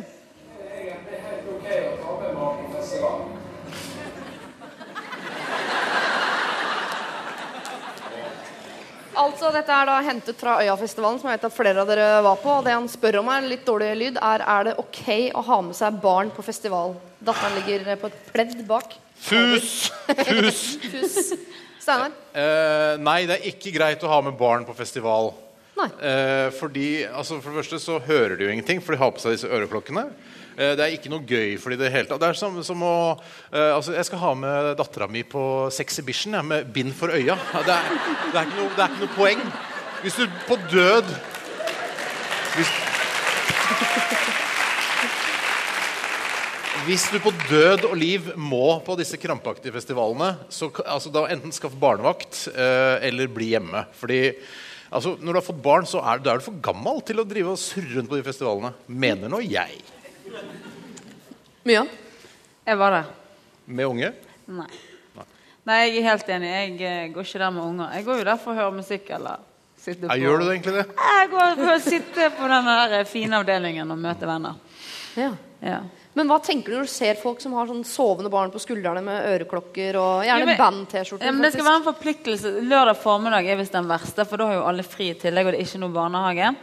Og da er denne, Du skal ha forventning Å, så skjønn øreklokker. Men oh. alle har øreklokker. Og alle ikke skjønner. Nei. Og så tror jeg det verste eh, Jeg, ikke, jeg har ikke hatt så mange forhold i Oslo, men eh, I Oslo? det har vært mye Ja, rundt. jævla mye forhold. Ja, ja, ja. Ganske få i Oslo. Vært på norgesturné tidligere. Men eh, jeg hadde en venninne som sier hun møter den ene liksom lykkelige familien etter den andre. Og jeg sier bare til henne vet du hva? De er ikke lykkelige. Ja, det er det samme Når folk streber så hardt Det er litt det samme som å stå fram i Se og Hør med familien. Det å ta med en unge med øreklokker på festival. Det er omsorgssvikt. Men, men, Ja, jeg, men altså, det er litt av hva De later som. Hva er det? Men uansett, ja, men uansett hva som er grunnlaget Hvis det nå er sånn at nei, vi fikk ikke barnevakt, og vi er genuint opptatt av si et band som var på øya i år The Knife. Det er ikke The viktig Knife. det er ikke, altså Hvis The Knife er så jævla viktig Det kan ikke være viktigere enn enn å være hjemme og passe på ungen din. Altså, jeg, jeg, jeg, Det blir sånn statusgreie. Jeg har med ungen min. Altså, alt er så relaxed. Bare, folk røyker hasj og drikker øl rundt ungen min. Jeg, ikke noe problem. Altså, det er så krampaktig. Hvorfor? Jeg har ikke noe ordentlig svar på det heller. Det er bare den krampaktigheten. Det der jeg skal vise meg fram. Jeg har ikke slutta å leve selv om jeg har fått meg unge. Se på meg. Men hvordan var det for jeg husker sånn som foreldrene mine Kristian, Du kunne jo vært min pappa. Ja, din bestefar. Vil du? Jeg har ikke skjønner. Jeg ville ikke, jeg vil ikke, jeg vil ikke tatt med deg på festivalen. Nei, det ville jeg ikke. Det er jeg sikker på. Nei, jeg tror, eh, altså, jeg tror for så vidt det er eh, Fremført med forskjellige grader av entusiasme og innlevelsesevne, så tror jeg argumentene som er kommet frem, er slutter jeg meg til. by and large, Pluss en liten faktor til.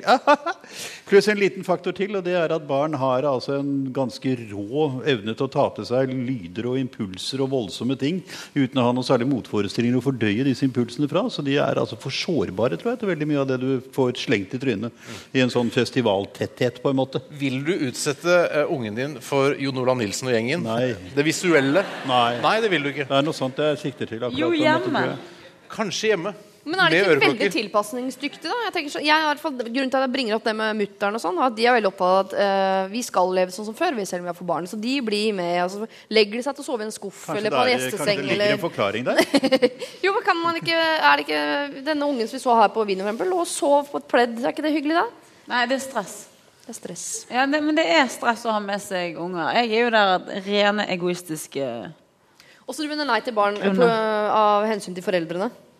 Ikke av hensyn til barnet? Nei, men De er jo med for en slags gimmick, eller hva faen de bruker det til. Men de er jo med for å foreldrene skal se sånn og sånn ut, som du sier, Steinar. Det er som, det er, som å ha med en jojo. Altså, Det er det som å gå med hatt og, ja, men det er som å gå med sånn stor hatt på festival. Da er du med en gang litt stjerne. Stor hatt, solbriller, Mm. unge med øreklokker. Og sånn Ola olashorts Ola hvor eh, lommene syns. Henterstøvler. Ja. Come on igjen. Mer fantasi. Ta på dere en tights. Eh, mor. Det er så fantasiløst. Det fins vel en egen festival òg for ungene? Du, jeg har tre unger, alle var hjemme, og det gikk kjempefint. Aleine? Ja. Her er faktisk, Jeg er veldig glad for at dere er enige med meg, for jeg la jo litt føringer selvfølgelig også innledningsvis her i dag. Måtte ja. kutte ut det, da. Jeg var på, jeg var, altså, på Barneøya, eh, og der skulle jeg, savna jeg øreklokke sjøl, merker jeg. Må, når eh, Fantorangen drar i gang, da er I et parallelt univers så sitter det små barn og diskuterer sånn Skal man ha med foreldra sine til Miniøya? Nei til barn på festival er altså uh, budskapet. En enstemmig konklusjon. Absolutt. Jeg tror ikke vi har vært så enige i dag. Overhodet ikke. Overhodet ikke. Hei, jeg er en gutt på 25 år. Jeg har et ganske så enkelt spørsmål. Så det er mulig å bli like lett nå, da. Er det greit at kjæresten min går på byen og sover over hos eksen? Eller er det bare jeg som føler at det er ukomfortabelt?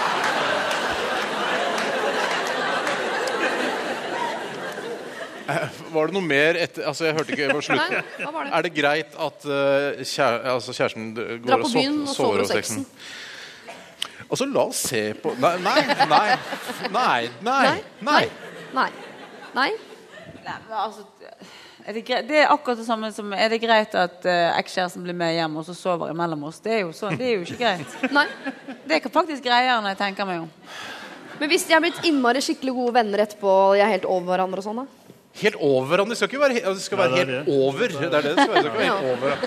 Jeg er så utrolig glad i eksen min. Eh, Det, Nei. nei, jeg, jeg kan ikke si noe annet enn nei. Jeg. Skal vi ta hånds... Er det noen her som mener at det er greit å sove over hos eksen? Det virker som jeg er ganske Hele enig. verden er enig i det. sal og råd altså, faller sammen i en sånn der sekk av enighet her. Det er ganske godt å føle det sånn. Ja, nettopp. For en utrolig konkret runde etter pause. Altså, ikke dame med ungene dine på øya, ikke sove hos eksen. Vi bare rusher videre, da. Du kan Er det jo noen, ta eh, oppfølgingsspørsmål og si hvorfor er det ikke greit? Hvem? Hva? Hvorfor? Jeg kunne gjort det. Eh, Vi går videre. Lørdagsrådet på P3. Nok et eh, norsk talent her, Sigrid Rabe og hennes eh, Two Fish. Vi er eh, på Chateau Neuf eh, i dag, dvs. Si vi var der på tirsdag på kveldstid. ja da, vi lever da også. Eh, Men du får høre altså hva som foregikk på Chateau Neuf på tirsdag eh, nå på morgenskvisten. Vi eh, åpnet opp for eh, problemer fra salen, og én av 700 der ute hadde følgende problem. Eh, er det noen som i pausen har kommet på Å ja, jeg har et problem. Noen bak, for eksempel. Vi ser dere òg. Hvorfor skal døde på dødelig ha de bak? Kan du ikke ta de som For rekker at de skal føle at de er med. Der er en hånd. Ja. Hallo? Hei. Hei. Eh, jeg bor med to karer, nyinnflyttet til Oslo. Og eh, vi er ganske flinke til å samarbeide når det gjelder eh, rengjøring i leiligheten. Men det er en som har ganske langt hår.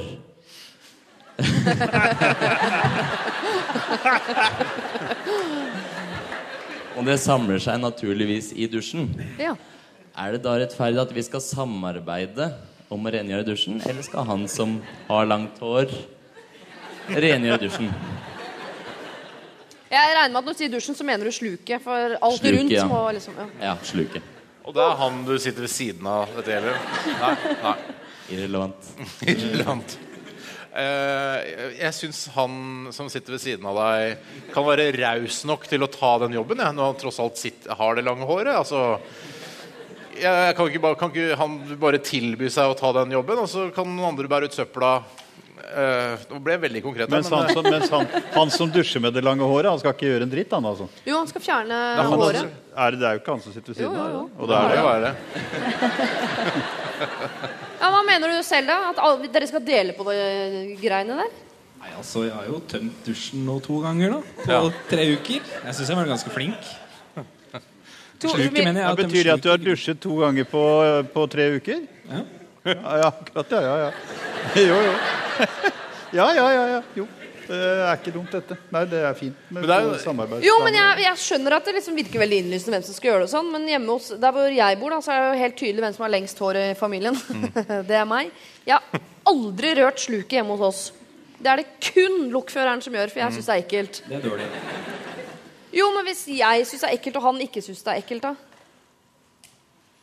Nå snur vi rollene her. jo, det er dårlig stil, altså. Er det dårlig stil? Dårlig stil, sier han langrangen. Det er dårlig.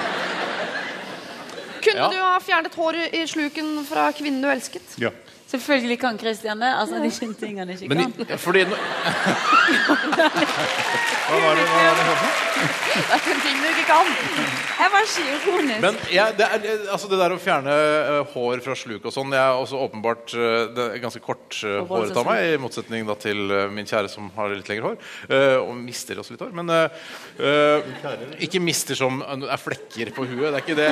Men altså har mye hår, mister en del, eh, så det havner mye ned i sluket der. Eh, og da syns jeg det er litt sånn, uh, er litt sånn tøft ja, eh, å ta det håret og si jeg, jeg driter i det, spiller ingen rolle for meg. Rynke og få slite noe gammelt slagg og fett. Det var, det det var er litt sånn tøft, egentlig det jeg mente å si også, bare på en annen måte. Ja. det er bra. Mm. Nei, det er Steinar nyforelsket. Det gjelder ikke. Jeg gir det fem måneder etter dere har flyttet Nei, inn. nei, jeg kommer, det er, det er litt som å være sånn handyman light, hvis du skjønner. Det, det er, jeg, tar, eh, jeg kan ta de humlene og sånn, og, og vepsene.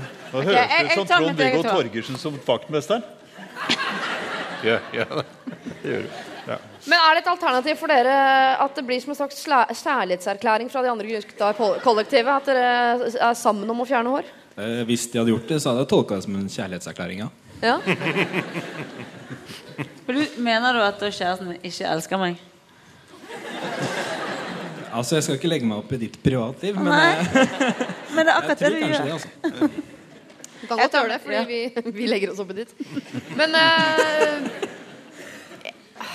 det er faktisk Jeg syns jeg hører at det er i hvert fall to-tre her som mener at uh, alle må fjerne hår i sluket. Altså. Som en slags, altså Bare som et tegn på kjærlighet. Du kan jo bare gønne på med Plumbo, og det løser seg jo opp etter hvert. Det, blir så, det er farlig for han, på pakningene. Det da ikke må bra. jo du gjøre noe tilbake igjen. Hva er det han andre Hva er hans skavank? Jeg rengjører ofte vasken. Ja, men du må jo han, Hvis du tar håret av han, så må han ta noe som er ekkelt fra deg. Ja, men det Jeg tar fortsatt vasken. Han kan da ta sluket. Jeg er enig med deg. Ok. Eh, kan vi inngå en sånn eh, 30, Her er statistikk bra, Mia. Noe 30-70 Alle skal selvfølgelig rengjøre badet, men du må oftere ta sluket. Men dere kan ta det innimellom som en sånn kjærlighetserklæring. Kan vi inngå den avtalen? Ja. Jeg må, jeg må jo si at Gud og gode vi er. Altså. Han- Ja. Vi løser det ene, det ene virkelig sånn store eksistensielle problem etter det andre på løpende bånd her. Det er som Henry Ford bygget biler. ikke sant? Raps, raft. Dette liker jeg. Neste Men du er jo ikke akkurat korthåret selv heller. Så det kan jo dukke opp et lyst hår i ny og ne. Jeg tror hun heter Christian. Hva da? Du har også langt, lys, lange, lyse lokker. Det, det er grått. Grå lokker er det der. Grå lokker er det. Grå lokker, er, grå lokker blir verre, på en måte, tror jeg. Lørdagsrådet på P3. P3. Eh, vi skal ta en mail som har kommet inn til Lørdagsrådet. Eh, her står det. For ca. tolv år siden var jeg sammen med en fyr. Mest for å være grei mot han. altså en slags sympatikjæreste. Siden den gang har jeg giftet meg med verdens fineste mann og fått to skjønne barn. Jeg jobber som selvstendig næringsdrivende og er aktiv med blogg og Instagram og sånt som hører med.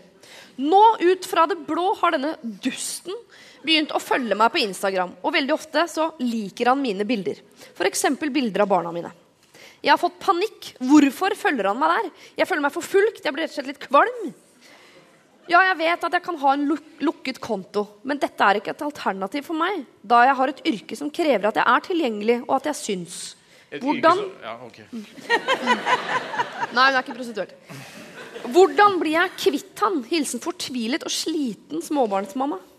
Et yrke som gjør at du må ha åpen Instagram-konto. Det er litt av et yrke. Er... Jeg kan legge til at han er fotograf. så Det er faktisk kanskje det ene yrket hvor det kan være greit at hører det med syns. at han dusten da Ja, nei, uff. Ja, nei. Hmm. Eh, Christian. Vet du hva, For en gangs skyld er jeg helt enig med deg. Jeg, jeg, tror ikke, jeg tror ikke det går an å si noe om det der. Altså, det er jo klart at Dette er jo det som heter stalking, er det ikke det? Jo, At jo, jo. Trapper opp og trapper Nei, det, ja, nei, ja. Du, hva, det nei men er det, det er litt av, litt av problemet med å ligge ute på sosiale sider hele tiden. er det ikke det? At du blir utsatt for den type ting. Da må man bare godta det. Ja, altså, jeg vet ikke, jeg lever i en virkelighet hvor jeg altså, for enhver pris må unngå å gjøre det fordi det blir så mye bråk av det. Fryktelig mye bråk av det og sånn, så jeg kan ikke helt eh, svare på det. Men jeg ville tro at hun bør sette foten ned på en måte. ring han og vær frekk. Ring han og vær frekk? Det funker med alle mine ekser. Hvor, uh, slem eller frekk? Jeg er spydig. Du tror jeg tuller, men det er sant. Ja, ja. Det kom Ring vær frekk. Spy. Ikke frekk, spydig. Nei, For du- eksempel, jeg var bare sammen med deg for å være grei, så slutt å plage meg. Ha for fin kjorte, du da. Så. Sånn frekk. Fornærm han. Sånn at, jeg, sånn at han husker hvorfor det ble slutt. Men du mener at du skal sette foten hardt Ja, ned? Er det et på, nei, jeg, tror, jeg tror Mias metode er passe ondt, og at den virker bedre. Ja, jeg tror det. Men hva om han prøver å være hyggelig, da? Han er over henne. Han tenker ikke på henne som ekskjæreste lenger. Det er bare en av de man vet hvem er der ute på Instagram, og suser han bildene av barna hennes er fine. da. Hun har jo sikkert søte barn, hun gjør er det fotograf. til tilstrekkelige grader til at hun føler det ubehagelig, så er det jo mer enn det, liksom. Og da tror jeg den der sarkasmen din høres ganske vellykket Ja, den er fin, men jeg tenker at han kan jo bare like ett bilde én gang. Det er jo ikke så stress. Ja, ja. Mm. Kan ikke like det 100 ganger. Nei, kan ikke stå stå ja. Da begynner det å bli ekkelt. Jeg liker det ene av ungene jævlig godt. Jeg kan også legge til at eh, For seks måneder siden så sendte han henne en SMS på natten hvor det sto 'Hei, hvordan går det?' Hun har ikke svart. På natt, ja, natter, riktig. Nei, ja, nei. Jeg tror vi bare må prøve å glemme det, at han er der. Og så tenke at ja, ja, så hyggelig at han likte det bildet. Og så bare la det være med det. Er ikke det Helt riktig. Og Ja. hvis han tar kontakt eh, sånn eh, muntlig, så er du spydig. Ja, spydig. ja. Spydig. Mm. ja. Ikke frekk. Så hun må også avvente, for det hun jo ønsker, er jo å bli kvitt han på Instagram. Er det ikke en uh... Det er altså å bli kvitt noen på Instagram. Det er som å bli, altså, jeg, skal, jeg vil bli kvitt noen uh, der ute i verden. Altså, det er sånn Jeg vil ta han ut. Leie- Leiemorder. og så bli- Du blir ikke kvitt for, Du kan ikke bli kvitt han selv om han ikke følger deg på Instagram. Altså, han er jo der. Skjønner du? Altså, det, er ikke noe, det spiller ingen rolle liksom, hvis hun har uh, 300-400 følgere. Så er, han er en av de gjør ingenting. Han er jo der. Han lever jo et liv, han òg. Men Jeg synes så jævla eh, synd på han man kan ikke sperre på Instagram. Kan man sperre på Instagram? Det Kan hun blokke han? Der. Det er jo ikke noe stress. Ferdig. Case closed. Blokk han. Ok.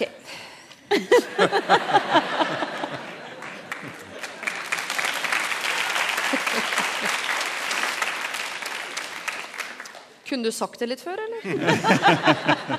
P3. Dette er Lørdagsrådet med Siri Kristiansen. When Something Ends synger hun eh, Matilda her i P3. Vi var på Chateau Neuf på tirsdag, hadde liveshow eh, derfra. Og eh, der viste vi en liten film av en jente som heter Karina. Som har hatt mange problemer her i Lørdagsrådet før, faktisk. Hun har fått mye hjelp og backing i flere år nå.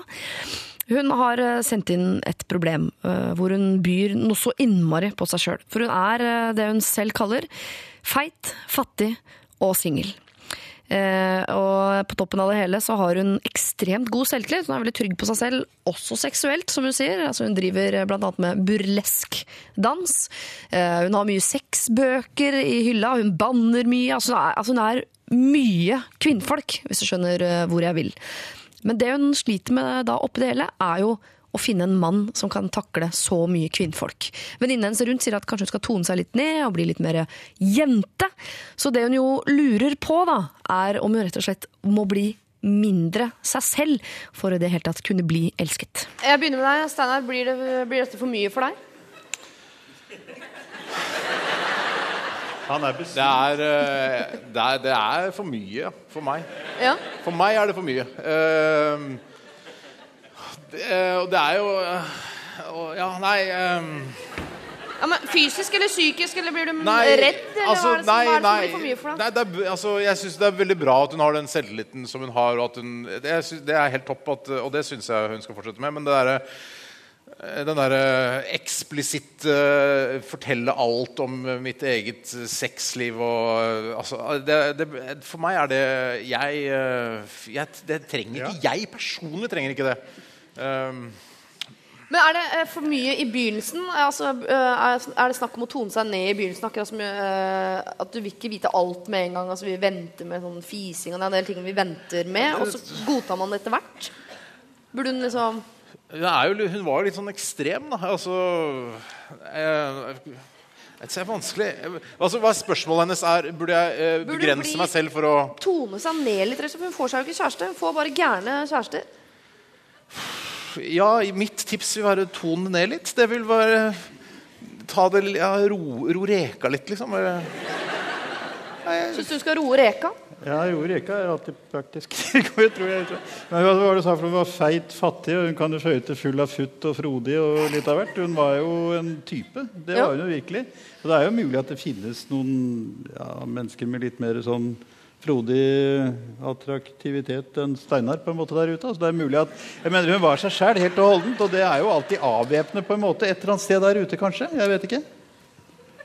For hvis hun toner seg ned og får seg kjæreste Så kan det komme ut etterpå. Ja. Jo, men Er det hun som får seg kjæreste da, eller er det en Den nedtonte versjonen. Ja, ja. Ja, men uh, Er ikke vi alle litt nedtonet i begynnelsen, da? Er det ikke motsatt? Åpenbart ikke i dette tilfellet. Nei, men da må Jeg håper ikke hun er nedtonet nå. Og gønne på med de siste 50 Nei, hvis hun toner litt Hun var veldig skjønn.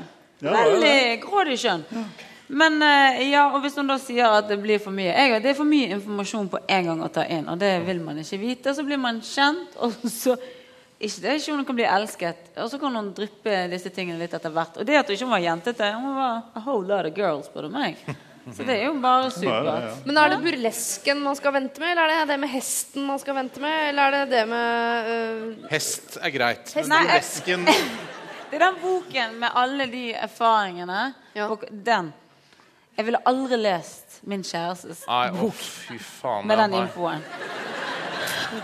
Men det er mulig, altså jeg, det som slo meg underveis her, er at det er mulig at hun spiller seg veldig ut. At hun gjør seg selv fryktelig morsom på sin egen bekostning. på en måte, og At det er en kompensasjon fordi at hun kanskje er ganske ulykkelig innvendig. Ja, det er- for det er den det ikke også- finner formen, Det er mulig. Det er en sånn Ja, for dere psykologisk tror ikke på denne selvtilliten som hun påstår at hun Ja, men det er litt sånn, eh, det er litt sånn som vi snakka om i stad også. eh, Den, eh, at man OK, jeg er tjukk. Derfor som jeg bare gønne Nå sier jeg mye gønne på her, beklager. jeg. Bruker ikke det i dagliglivet. Men hun overkompenserer. Ja, jeg er tjukk. Jeg skal, da skal jeg i hvert fall ha god selvtillit, liksom. Eh, og så er det noe sånn trist her. Er det en, kanskje noe, en, uh, altså en spiseforstyrrelse der kanskje som, som er litt vond å ta tak i. Og da er det mye lettere å si jeg er, jeg er tjukk og glad og, bare, og kåt og bare yeah. og, Ja, det er, det er, noe trist der også. Men det tenker også. man Da. alltid når man ser sånne veldig frampå damer. Men hva hvis hun er den ene som faktisk er? Hva var det hun var? Feit? Fri, fattig og Ja. Feit, fattig Og hun mener det. Hun er sånn. Ja. av. Freidig, var det? Freider er ikke nevnt, men det er et annet ord på F, ja. Det er korrekt. Eh, gratulerer med å stå på alliterasjonseksamen. Men jeg tenker sånn, fordi eh, Dette er eh, sagt mange ganger på radio også, men eh, det er jo veldig Av alle de menneskene som er liksom røkla, de på midten som er, eh, er veldig Altså Det er ikke mye sånn eller lite sånn. De er liksom på midten-folka. De timer seg opp to og to hele tiden og finner seg nye kjærester hele tiden og er sammen, og så bytter de og holder på i midten her. Men så det jo de rundt, de som er ekstreme av en eller annen retning. Jeg bare tenker, De får seg jo ikke så ofte kjæreste. Men når de får det, er ikke det en enda bedre match? For jeg tenker Når eh, Karina treffer den som vil ha henne akkurat sånn som hun er her, Kanskje like så kommer de til å være sammen resten av livet. Men det tar tid å finne han. ja, det kan være. Jo, men da må hun lete lenger. Ja, ja, ja, men da må hun ha tålmodighet. Ja, men da, hvis hun toner litt ned, så kan jo hun eh, en som kan lære å elske henne. Jeg tror nok det er et godt råd til henne å tone ned både formen og frodigheten og fettet, for å si det sånn. Altså, Tror du det? ja, jeg tror det. Jeg tror ikke det ville vært så dumt å bli litt sånn på en måte litt Men for å få seg kjæreste, eller er det sånn Nei, sånn for sin egen skyld, tror jeg. Mer for å få en annen type selvrespekt enn den hun har. For den er liksom knyttet opp mot dette her helt ekstreme vesenet. Så du kunne tenke seg at hun finner ja. seg selv i en litt annen fasong. Altså. Og de som sier at de er 100 seg sjøl, tror jo vi ikke på. Hva unnlot du å fortelle til kjæresten din i begynnelsen, som har kommet fram sånn med tiden? Godt spørsmål. Ja. Vil du tenke litt? Er det noe Uh, Det er burlesk-greiene. Det skal vi se feis, rape på første daten. Han visste jeg hadde hatt en jentekjæreste. Nei, jeg bare tuller. Hamburger og bakfra. Nei, jeg vet ikke om jeg hadde så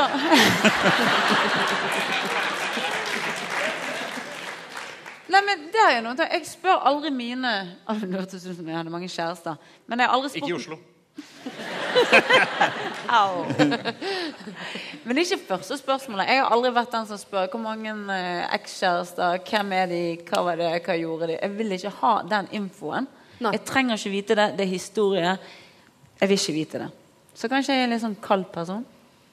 Ja, Eller bare du vil at det skal være litt mystisk i begynnelsen. Og dermed kanskje Det virker som alle mener her at hun skal tone seg litt ned. Eller, altså, Mystisismen er i hvert fall temmelig fraværende. for å si det sånn. Jeg mener Hun, hun spreller jo frem med alt hun eier og har. Så det er ikke noe som skjules liksom bak noe slør. det er ingenting igjen til fantasien. Det må Nei. være noe igjen til fantasien. Ok, Så øh, vi skal si til Karina at hun skal tone seg litt ned i jakten på kjærligheten. Mm. Ja. Eh, Karina er her. Um,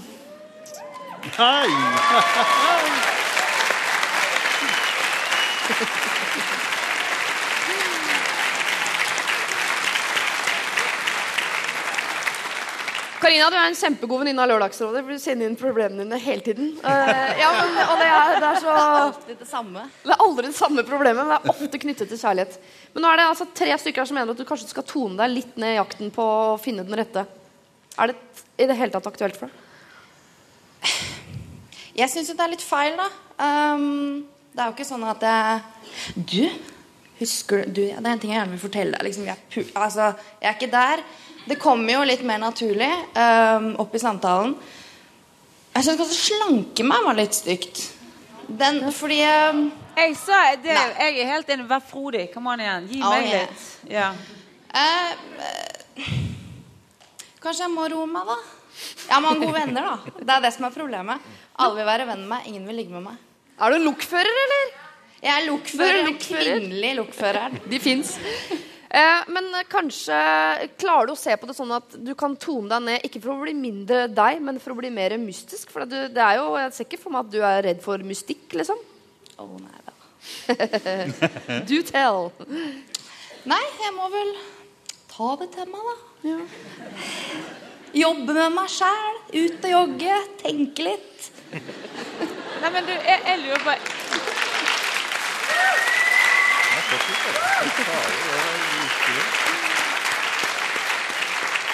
Er det som Steinar sier, at det er Ja, som du sa. At det er mye sånn at du later som at du er, har så mye selvtillit, og at det er litt en act? Er det sånn at du kommer hjem, så er du faktisk litt trist? Jeg var veldig sånn da jeg var yngre. Da hadde jeg spiseforstyrrelse og ymse. Men uh, så har jeg liksom lært å elske meg selv.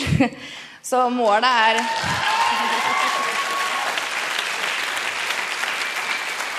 Målet er jo å finne noen som også kan være litt glad i meg, da. Og jeg må si den burlesken, den endra alt. Ja? Så ja. Du, tusen takk. Kanskje du kan eh, lære meg og flere andre også å bli så trygg og elske seg selv. For jeg driver nemlig nå og løper som bisse rundt Sognsvann bare for å please folket, for å si det sånn. takk skal du ha. Bravo. No Diggity, Blackstreet, Dr. Dre og i det hele tatt var det du fikk eh, høre der. Det var det vi hadde fra showet på Chateau Neuf som da fant sted på eh, tirsdag. Neste lørdag så er det en helt eh, vanlig, ordinær sending med dine problemer og våre mulige løsninger. Eh, Det er Kristin Vinsen som kommer, Gunnar Greve kommer, og så Torbjørn Røe Isaksen. Enn så lenge så må du gjerne podkaste det du akkurat har hørt, eller det du akkurat gikk glipp av. Det ligger ute i løpet av noen eh, minutter. Og så kan du også gå inn på Facebook. Vi har lagt ut noen eh, nydelige bilder der eh, i svart-hvitt fra showet. Det har i hvert fall Dr. Jones lovet, at de er nydelige. Er de nydelige? Også av meg, som jo selvfølgelig er det viktigste. Altså, jeg, jeg syns jo det som alltid, men Ja. får vi se da hva du syns. Hvis det er et bilde av meg i profil der, så må jeg kappe av deg et ben. Jeg takker også til Dr. Jones for nydelig produsering eh, og teknikering eh, i dag. Og med det så sier jeg eh, takk for i dag. P3. Dette er Lørdagsrådet På P3. P3. Hør flere podkaster på nrk.no podkast.